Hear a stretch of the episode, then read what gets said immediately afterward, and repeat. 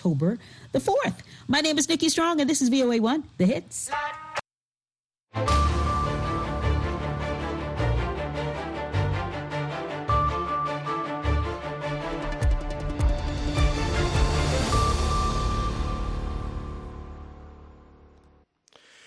Halkani waa washington laantaaf soomaaliga ee v o a aad si toosa uga dhagaysanaysaan mowjadaha gaagaaban efemyada geeska afrika iyo caalamkao dhan ood nagala socotaan boggayaga v o a somali com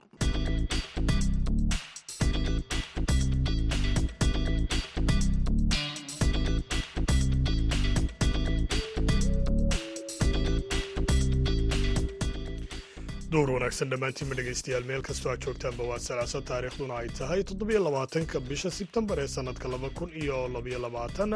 Waxaad naga dhegaysanaysaan dhegaystayaal mojada gaagaaban ee efemyada geeska afrika. Haatan saacadda afrikada bari waxay tilmaamaysaa kowdiyo barkii duhurnimo idaacadda duhurnimo ee barnaamijka dhallinyarada. Maantana waxaa halkan idin kala socodsiin doona anigoo ah cabdixakiin maxamuud shurwa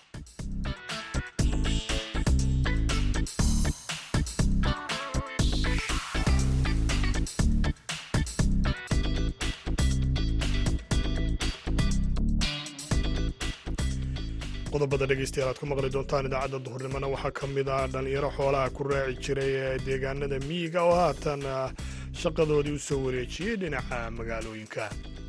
Waa iska fiicanahay lo baan iska haynaa looda rashinkana waa siinaa waana dhisnaa.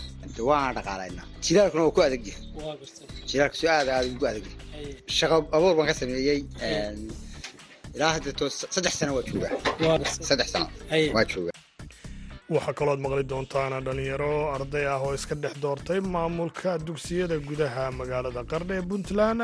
Dhinacii kaalma heesaa iyo weliba ciyaariha ayaan sidoo kale dhegaystayaal idiin haynaa hase yeeshee marka hore ku soo dhowaada warkii dunida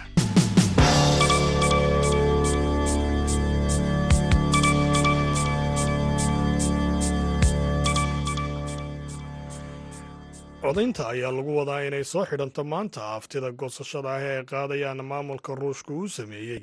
Afar deegaan oo ka mida ukrain iyadoo dowladda ukrain iyo weliba xulafadooda reer galbeedkuna ay ka soo horjeesteen aftidan islamarkaana ay ku tilmaameen mid been abuura.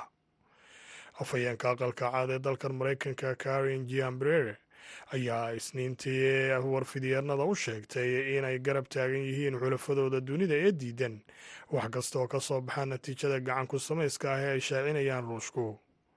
Codaynta ayaa ka bilaabantay jimcihii gobollada uu ruushku xukumo ee luhanesk iyo kherson iyo weliba meelaha uu ka haysto gobollada donesk iyo saborisha iyadoo ay ciidamada ruushku guriguri u tegayeen si ay ugu amraan dadka reer ukrain inay codeeyaan islamarkaana ay qasab ku codeeyaan iyagoo qoriga ku haya.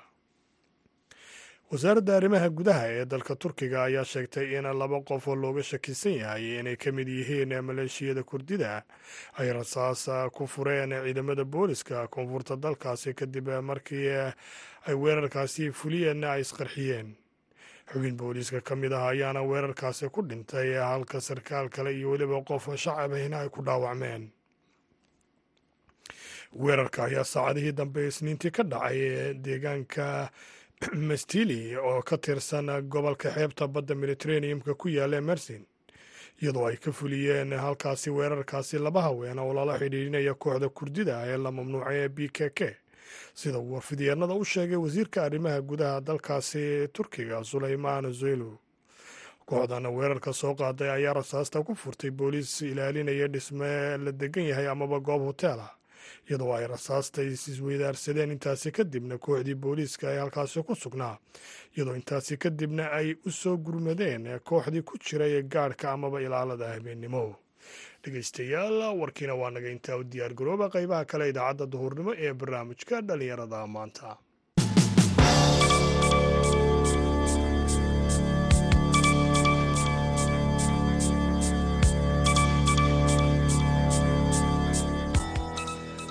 duur waana wanaagsan ayaan dhammaantiinba dhegaystayaal idin leeyahay. Meel kastoo aad joogtaan ba halka warkaasi idinka soo gaadhayaana waa idaacadda duhurnimo ee barnaamijka dhallinyarada maanta. Aan ku bilownay abaaraha ka jira deegaanada soomaalida ayaa keenay in dhallinyaro badan oo xoolaha raaci jiray ay ka yimaadaan baadiyaha islamarkaana ay soo galaan magaalooyinka. Dhallinyaradaasi ayaa qaarkood ay hadda xoolaha u raacaan dadka magaalooyinka degan ee xoolaha ku dhaqda iyadoo halkaasina ay nolol maalmeedkooda kala soo baxaan warbixin arrintaasi ku saabsan waxaa magaalada laascaanood nooga soo diray waryahayaga cabdikariim olol. Dhalinyaro badan oo ka mid ah kuwii xoolaha raaci jiray ayaa isaga yimid kuwaasoo soo gaadhay magaalada laascaanood dhalinyaradan ayaa waxa ay shaqooyin ka helaan dadka xoolo dhaqatada ah iyagu magaalada laascaanood xoolaha ku haysta kuwaasoo raaca geela iyo adhiga iyo lo-da ay haystaan xirfadda keliya ay yaqaaneen dhalinyarada xoolaha miyiga ku raaci jirta ayaa dhanka xoolaha iyo dhaqaalayntiisa iyo inay dadka reer magaalka xoolaha u lisaan. Ismaaciil axmed nuur waxa uu ka mid yahay dhalinyarada magaalada laascaanood soo gaadhay waxa uuna ii sheegay inuu ka yimid shabeellada hoose. Duleedka magaalada laascaanood dhanka bari ayuu ku hayaa lo isugu jirta mid laga keenay waddanka holland iyo sidoo kale lo-da deegaanka soomaalida sida weyn looga dhaqdo waxa uu sheegay inuu lacag boqol iyo soddon dollara uu ku qaato isagoona ka warramaya habraacista lo-dani iyo sida uu dhaqaaleeyay ayuu barnaamijka dhalinyarada laanta afka soomaaliga v o a uga warramay. Loodan maalintii waa raashiin badan cuntaa ma garta raashiin kartoomo waxaas shan iyo toban sana saraac jiray muddaas intaas garowan laba sana lo og hayay. Xaggaana hal sana jooga koonfurna dhowr iyo toban sana lo og dhaala jiray ha intaas lacagtaasaa ku qaataa bishii boqol iyo soddonkasaa ka qaataa. Lodana dhaqaaleeya raashiinaa siiyaa maalintii kartoomaa siiyaa waxyaalahaasaa qabtaa. Loo xareysanoo saan oo kale wax la siinaayo galey la siinayo raashiin la siinaayo ahayd ma garta. Haa lacaga ka qaadi lacag yara ka qaadi bishii waa siddeetan doollar ka qaadi jiray markaas shaqadii markaas yaa la waayo xagganaan sa aaday garow intaas sano laba sano lo la joogay laba sanad raacis. Haa garow waa garta haddana xaggaanaa imaaday. Lo-dan madmadow maxay kaga duwan tahay lo-da kale? Lo-dan madow maaragtay oo horta waa qarash badan waa cuntahay oo isku caanan ma ahani. Haye. Tanaan badisay. Taas maaragtay. Waa caanaha caano ma lahan sax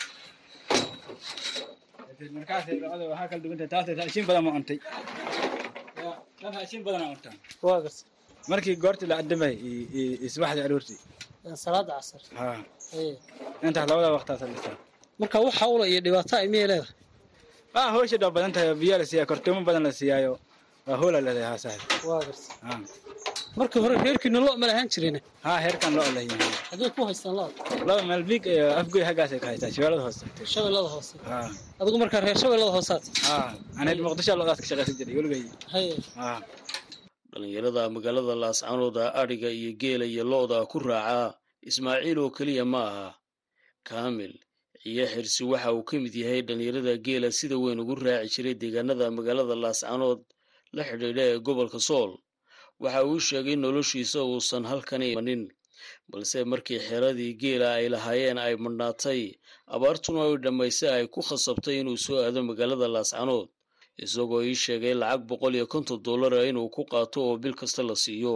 Wallaahi waa iska fiicannahay magacayga kaamil ciyo xirsanaya haye.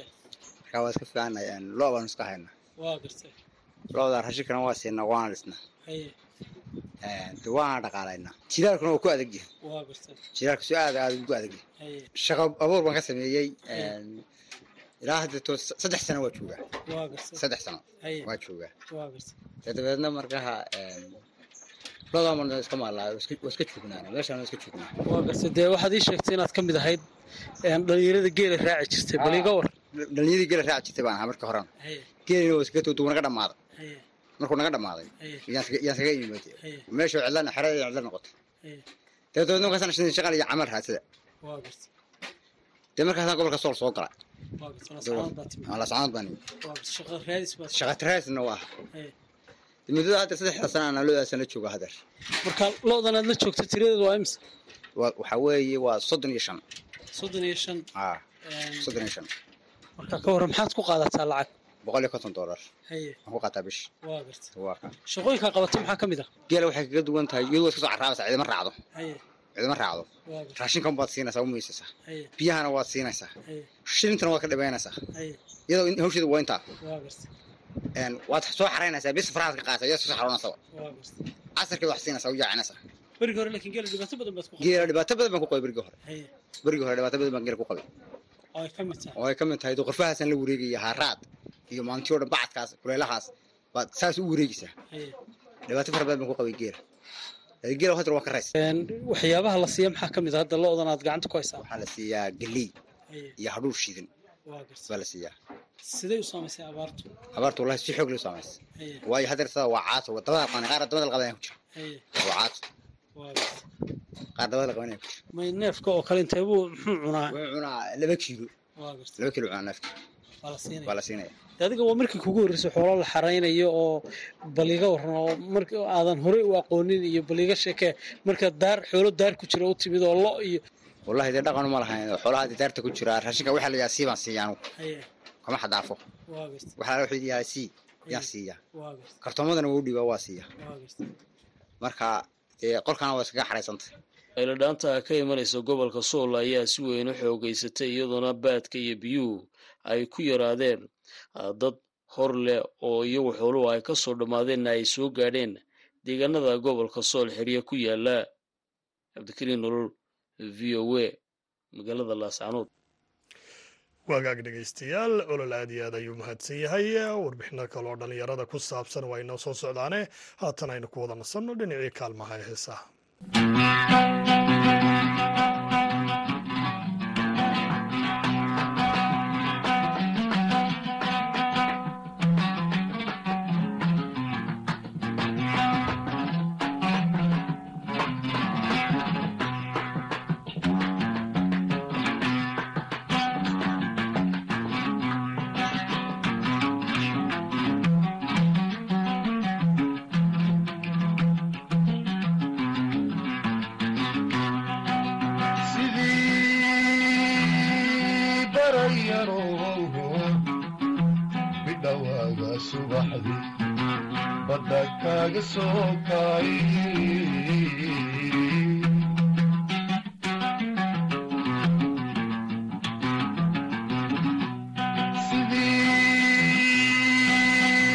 sidii barayarowho bidhowaaga subaxdii badda kaaga soo kacay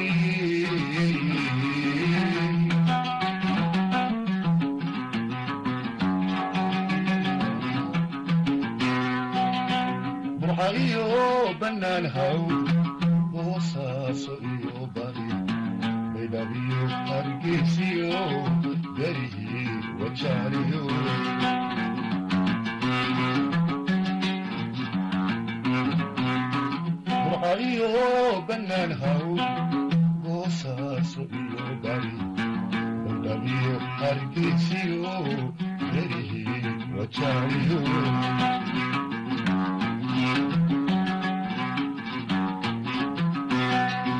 baa laheedii meel baad le kubankoday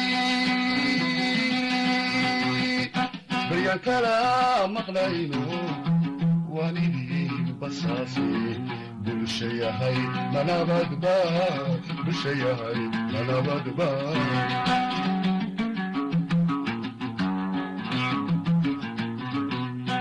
Baryaan kala maqlayno waan idin basaase bulsha yahay manabadba bulsha yahay manabadba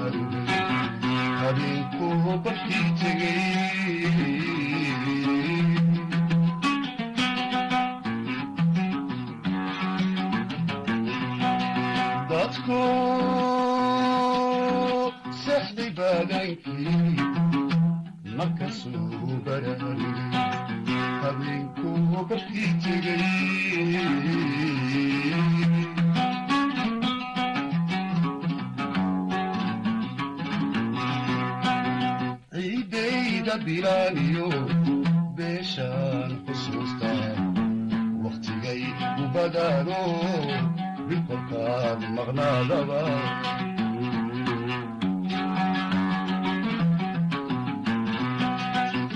ciidayda bilaaniyo beeshaan xusuusta wakhtigay u badaano bilkolkaad maqnaadaba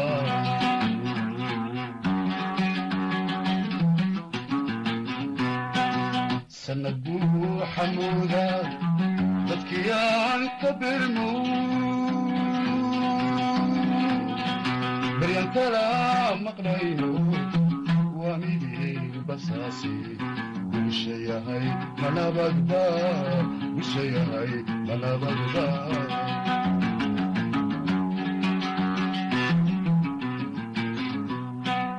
sanad buu xamuuda dadkii aan ka bermo baryan kala maqlayno waa midii basaasi bulsha yahay manabadba sanad buuxad moodaa baryaan kala maqnayno waan idiin basaase bulsho yahay ma nabadba codkaasi xasan aadan samatar dhegeystayaal haddayna intaasi kaga nimaado. Isla markaana aynu hore ugu sii soconno qaybaha kale idaacadda duhurnimo haatanna aynu u kacno dhinaca iyo magaalada boosaaso iyadoo puntland ay u diyaargaroobayso in dadka la baro nidaamka doorashada qof iyo codka islamarkaana meelaha qaar si tijaab ahaana looga qabtay doorashadaasi. Ayaa waxaa jira dugsiyada qaar ardayda lagu barbaariyo in ay nidaamkaasi bartaan. Dhowaan ayaa mid ka mida dugsiyada ku yaalla magaalada qardho oo ay ka dhacday doorasho qof iyo cod ah oo maamulka ardayda dugsigaasi ay iyaga dhexdooda isdoorteen iyadoo taasina looga gol lahaa si ay u sii bartaan doorashooyinka qof iyo codka marka ay timaado warbixin arrintan ku saabsan waxaa soo diray magaalada boosaasana nooga soo diray wariyahayaga yuusuf maxamuud yuusuf. Mid ka mid a iskuullada ku yaalla magaalada qardho ayaa maanta dhallinyarada iskuulkaasi waxay iska dhex doorteen guddoomiyaha ardada iyo weliba ku-xigeenkiisa. Doorashadan oo sannad kasta la qabta ayaa sannadkan ka duwaneed sannadihii hore waxayna ardadu isku dooranayeen doorasho qof iyo cod. Si jiilkan loogu ababiyo doorasho qof iyo cod oo haatan puntland ay higsanayso jagada guddoomiyaha. Waxaa ku tartamayay ilaa iyo saddex musharax oo mid ka mida ay tahay gabar halka ku-xigeenkan ay ku tartamayeen laba musharax oo dhallinyaro ah. Guddoonkan ay ardada iska dhex doorteen ayaa qorshuhu waxa uu yahay. Waa inay ka shaqeeyaan isku xirka ardada iyo weliba iskuulka. Horumarinta aqoonta dhallinyarada. Cabdirasaaq axmed siciid oo ka mid a macallimiinta iskuulka imaamu nawowi magaalada qardho ayaa ku dhawaaqay sida loogu kala guulaystay doorashada maanta. Inta guddoomiyaha waxaa u tartamayey muxiidiin cawl axmed maa'ido siciid cilmi iyo mawliid maxamed maxamuud. Muxiidiin wuxuu helay hal cod maa'ida wuxuu heshay shan iyo toban cod mawliidna wuxuu helay afartan daba cod habraacu marka wuxuu ahaa ardayga hela wax ka badan saddex meelood laba meelood ee wareegga koowaad. Ayaa loo aqoonsan inay arday ku guulaystay guddoomiyaha guddiga ardayda sanadkan mawliid baa wuxuu helay saddex meelood oo laba meelood in ka badan u afar todoba cod saalaajiga guddigu wuxuu aqoonsan yahay inuu yahay mawliid maxamed maxamuud guddoomiyaha sana dugsiyeedka labiyo laba saddex iyo labaatan ee dugsiga sare imaamu nawaawi qardhow gudoomiye ku-xigeenka waxuu tartamay mukhtaar cabdulaahi cali iyo cabdixafiid maxamed axmed. Waxay hayeen laba arday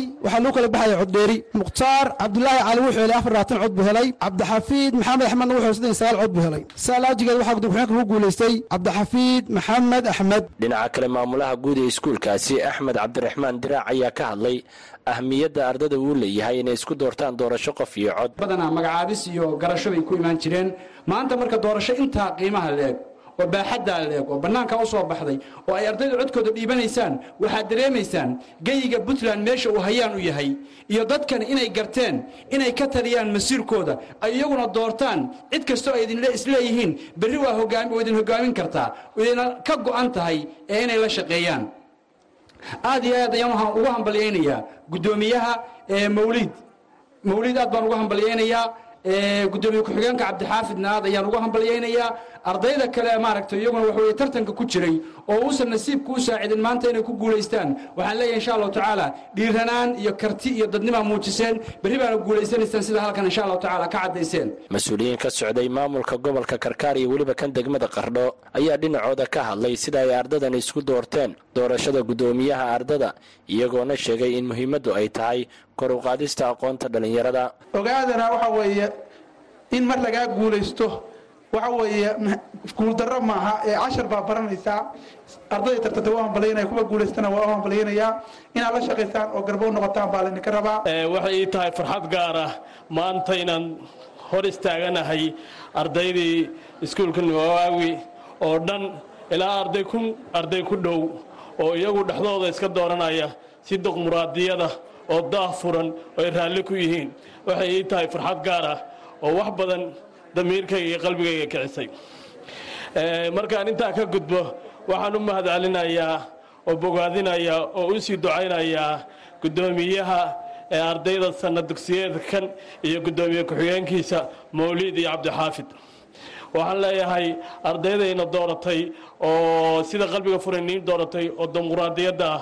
Ilaahay wuxuu idinka dhigayaa kuwii daacad ugu shaqeeya ay u siman yihiin ixtiraam iyo shaqo wanaagsan ay ka helaanin. Intaasaa idinkula si dardaa labada wiil ee maanta loo kala doortay guddoomiyaha iyo weliba ku-xigeenkiisa ayaa waxa ay sheegeen inay u mahadcelinayaan cid walba oo doorashadan ka qayb qaadatay waxayna ballanqaad u sameeyeen dhallinyarada ay matalaan. Waxaan u mahadcelinayaa ardaydii ii codaysay waxaana uga mahadcelinayaa sida ay ii siiyeen codkooda ee kalsoonida leh. Waxaan kaloo u mahadcelinayaa ardaydii macallimiintii iyo guddigii soo qabanqaabiyey doorashada waxaa mahadda koowaad iskale allah subxaanahu wa tacaala noo soo qabanqaabiyey xalfadda tan aadka u quruxda badan. Waxaa kaloo u mahadcelinayaa ardaydii ka codaynaysa xalakan oo nagu doortay. Yuusuf maxamuud v o e boosaaso waagaaga dhegaystayaal yuusuf maxamuud aad buu mahadsan yahay warbixintaasi nala socodsiinayey haatanna ku soo dhowaada xubintii ciyaaraha oo inoo hayo maxamuud mascade.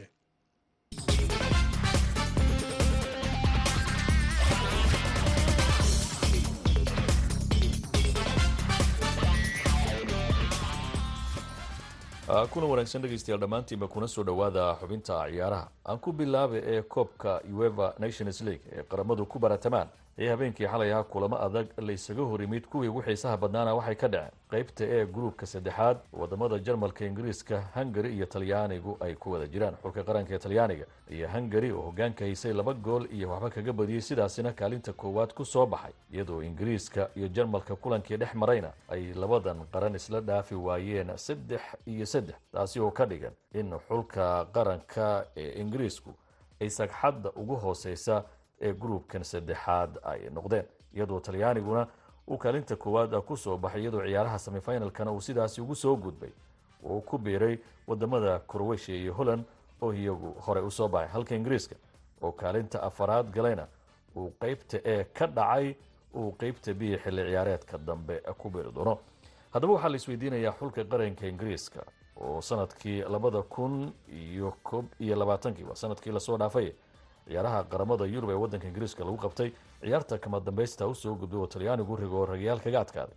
Sanadkii labada kun sideed tobankii koobkii adduunkana ciyaarihiisa semifinalka soo gaaray. Maxaa ku dhacay ingiriiska oo guuldarooyinkan xanuunka badan ugu wacan? Su'aashaasi ayaa waxaan weydiiyey cabdirasaaq diyesha oo ciyaaraha ka faalooda kuna sugan magaalada seattle ee gobolka washington. Sababaha waxaa la leeyahay macalinka oo mar walba tijaabinaya ama kulan walba ciyaarsiinayo ciyaartooyo kala duwan oo runtii uu rabo inuu ku tijaabsado isu diyaarinta world cupka. Taas ayaa aada loo aaneynayaa iyo ciyaartooy kooxahoodii muxuu ahay aada ugu liito oo aan wacdaro fiican ka samaynaynin oo macalinka uu safayo oo xulkii uu ku safayo. Halka ciyaartooydii muxuu ahay kooxahooda performancega fiican ka samaynayay uu binji gelinayo. Walow ciyaarta maanta laba iyo eber marka la gaarsiiyey labada ciyaaryahan ee monson mounty iyo bakayo saka iyo ay ciyaarta wax ka bedeleen oo ay laba iyo laba ka dhigeen englandne runtii ay aada u ciyaartay wacdare ay soo bandhigtay. Marka arrimahaas oo sbesiga ayaa loo aaneynayaa ciyaaraha ueva nations league ee caawa dhacaya kuwa ugu xiisaha badan. Ay ka dhacayaan isla qeybta ee gruubkeeda labaad oo waddamada sbain bortugiiska switzerland iyo jamhuuriyadda jeegu ay ku wada jiraan. Xulka qaranka ee jamhuuriyadda jeeg ayaan ka sii mid ahaan doonin qeybta e oo qeybta kale ee b hoos ugu dhici doona. Laakiin xulalka qaranka sbain iyo bortugiiska ayaa kulanka dhex marayahay waxauu go'aamin doonaa cidda ku biiri doonta waddamada talyaaniga croatia iyo holland oo iyagu hore ciyaaraha semifinalka ee koobka ueva nations league u soo baxay.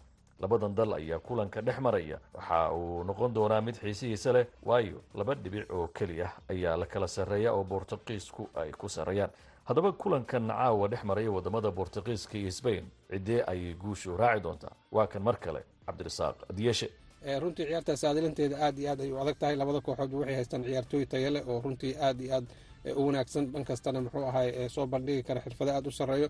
Balse saadaashayda haddii aan ku degdego waxaan is leeyahay xulka sbain ayaa guusha hanan doono oo u soo gudbi doono ayaan is leeyahay anuu u saadaalinaya xulka sbain inuu yahay xulka keliya ee benuni isku mid ah soo bandhigaya ciyaarihii uu ciyaaray ee ah haysashada benuniga ilaa hadda xulka ugu fiican ee macalinka bortugiiskana uu runtii aad ugu walwalay u xaqiijiyey in xulka sbain ay yihiin xul marnabo aan loogu tegi karin haysashada kubadda.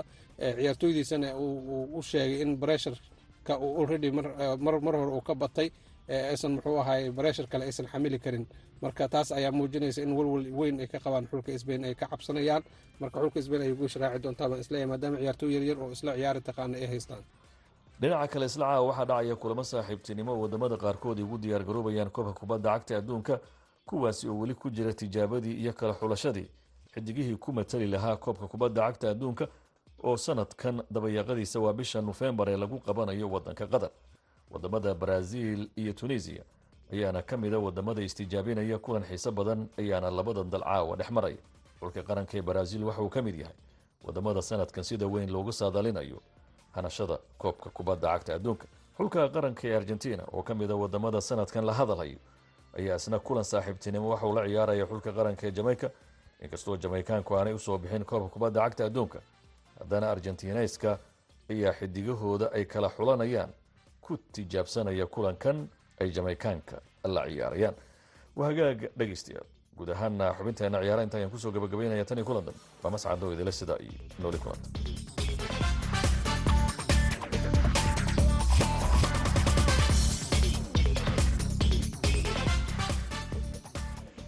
gabagabadii idaacadda duhurnimo ee barnaamijka dhallinyarada maanta ayaynu dhegaystayaal maraynahay haatanna mar kale aynu dibu jalleecno dhinacii kaalmaha ee heesaha